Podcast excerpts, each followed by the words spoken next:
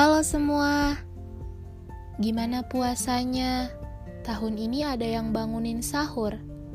Kalau saya, hmm, cukup ibu aja deh yang jadi alarm paling paten. Abis juga percuma, nggak ada yang bisa bangunin sahur sehebat suara ibu. Oh iya, selamat menunaikan ibadah puasa bagi yang menjalankan. Kalian masih ingat sosok bus kota itu nggak? Sekarang saya nggak tahu kabar dia gimana. Tapi satu hal yang pasti, dia akan selalu baik-baik saja. Aduh, pernah ngerasain sedih nggak? Tapi nggak tahu sedih karena apa. Rasanya kayak mau nangis, tapi juga nggak tahu apa yang ditangisin. Oh iya, saya udah menghidupkan wetpad saya kembali. Kalian bisa cari di wetpad tempat bercerita. Kayaknya saya udah mulai nyaman dengan nama pena ini.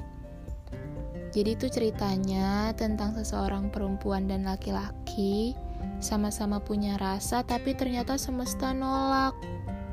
Seperti sepatu Iya, sepasang sepatu yang dipakai sang pemilik dan sang pemilik sepatu itu baru sadar kalau ukurannya nggak sama, nggak cocok, dan nggak nyaman buat dipakai, buat dibawa ke mana-mana. Eh, kalian pernah nggak ketemu seseorang, terus orang itu aneh? Jadi saya ketemu seseorang, Gak tahu dia makhluk dari mana, tapi aneh. Gak tahu ini saya yang emang aneh atau beneran dia yang aneh, pokoknya aneh. Tapi bikin saya seneng. Seneng buat ngelakuin hal yang sebelumnya saya gak seneng. Gak tahu kenapa bisa kayak gitu.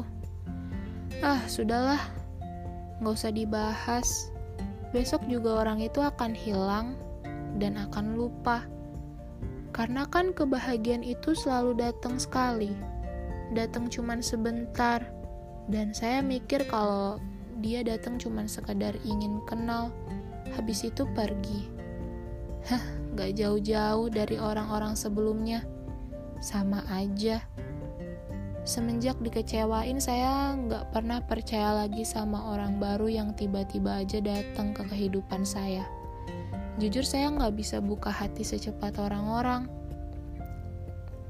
Karena mungkin karena kuncinya masih sama orang yang dulu.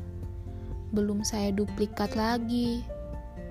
Mungkin nanti kalau sudah datang seseorang yang benar-benar tulus, baru saya akan menduplikat kunci itu darinya.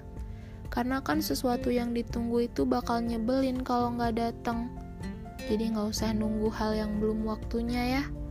Gak sekarang, mungkin nanti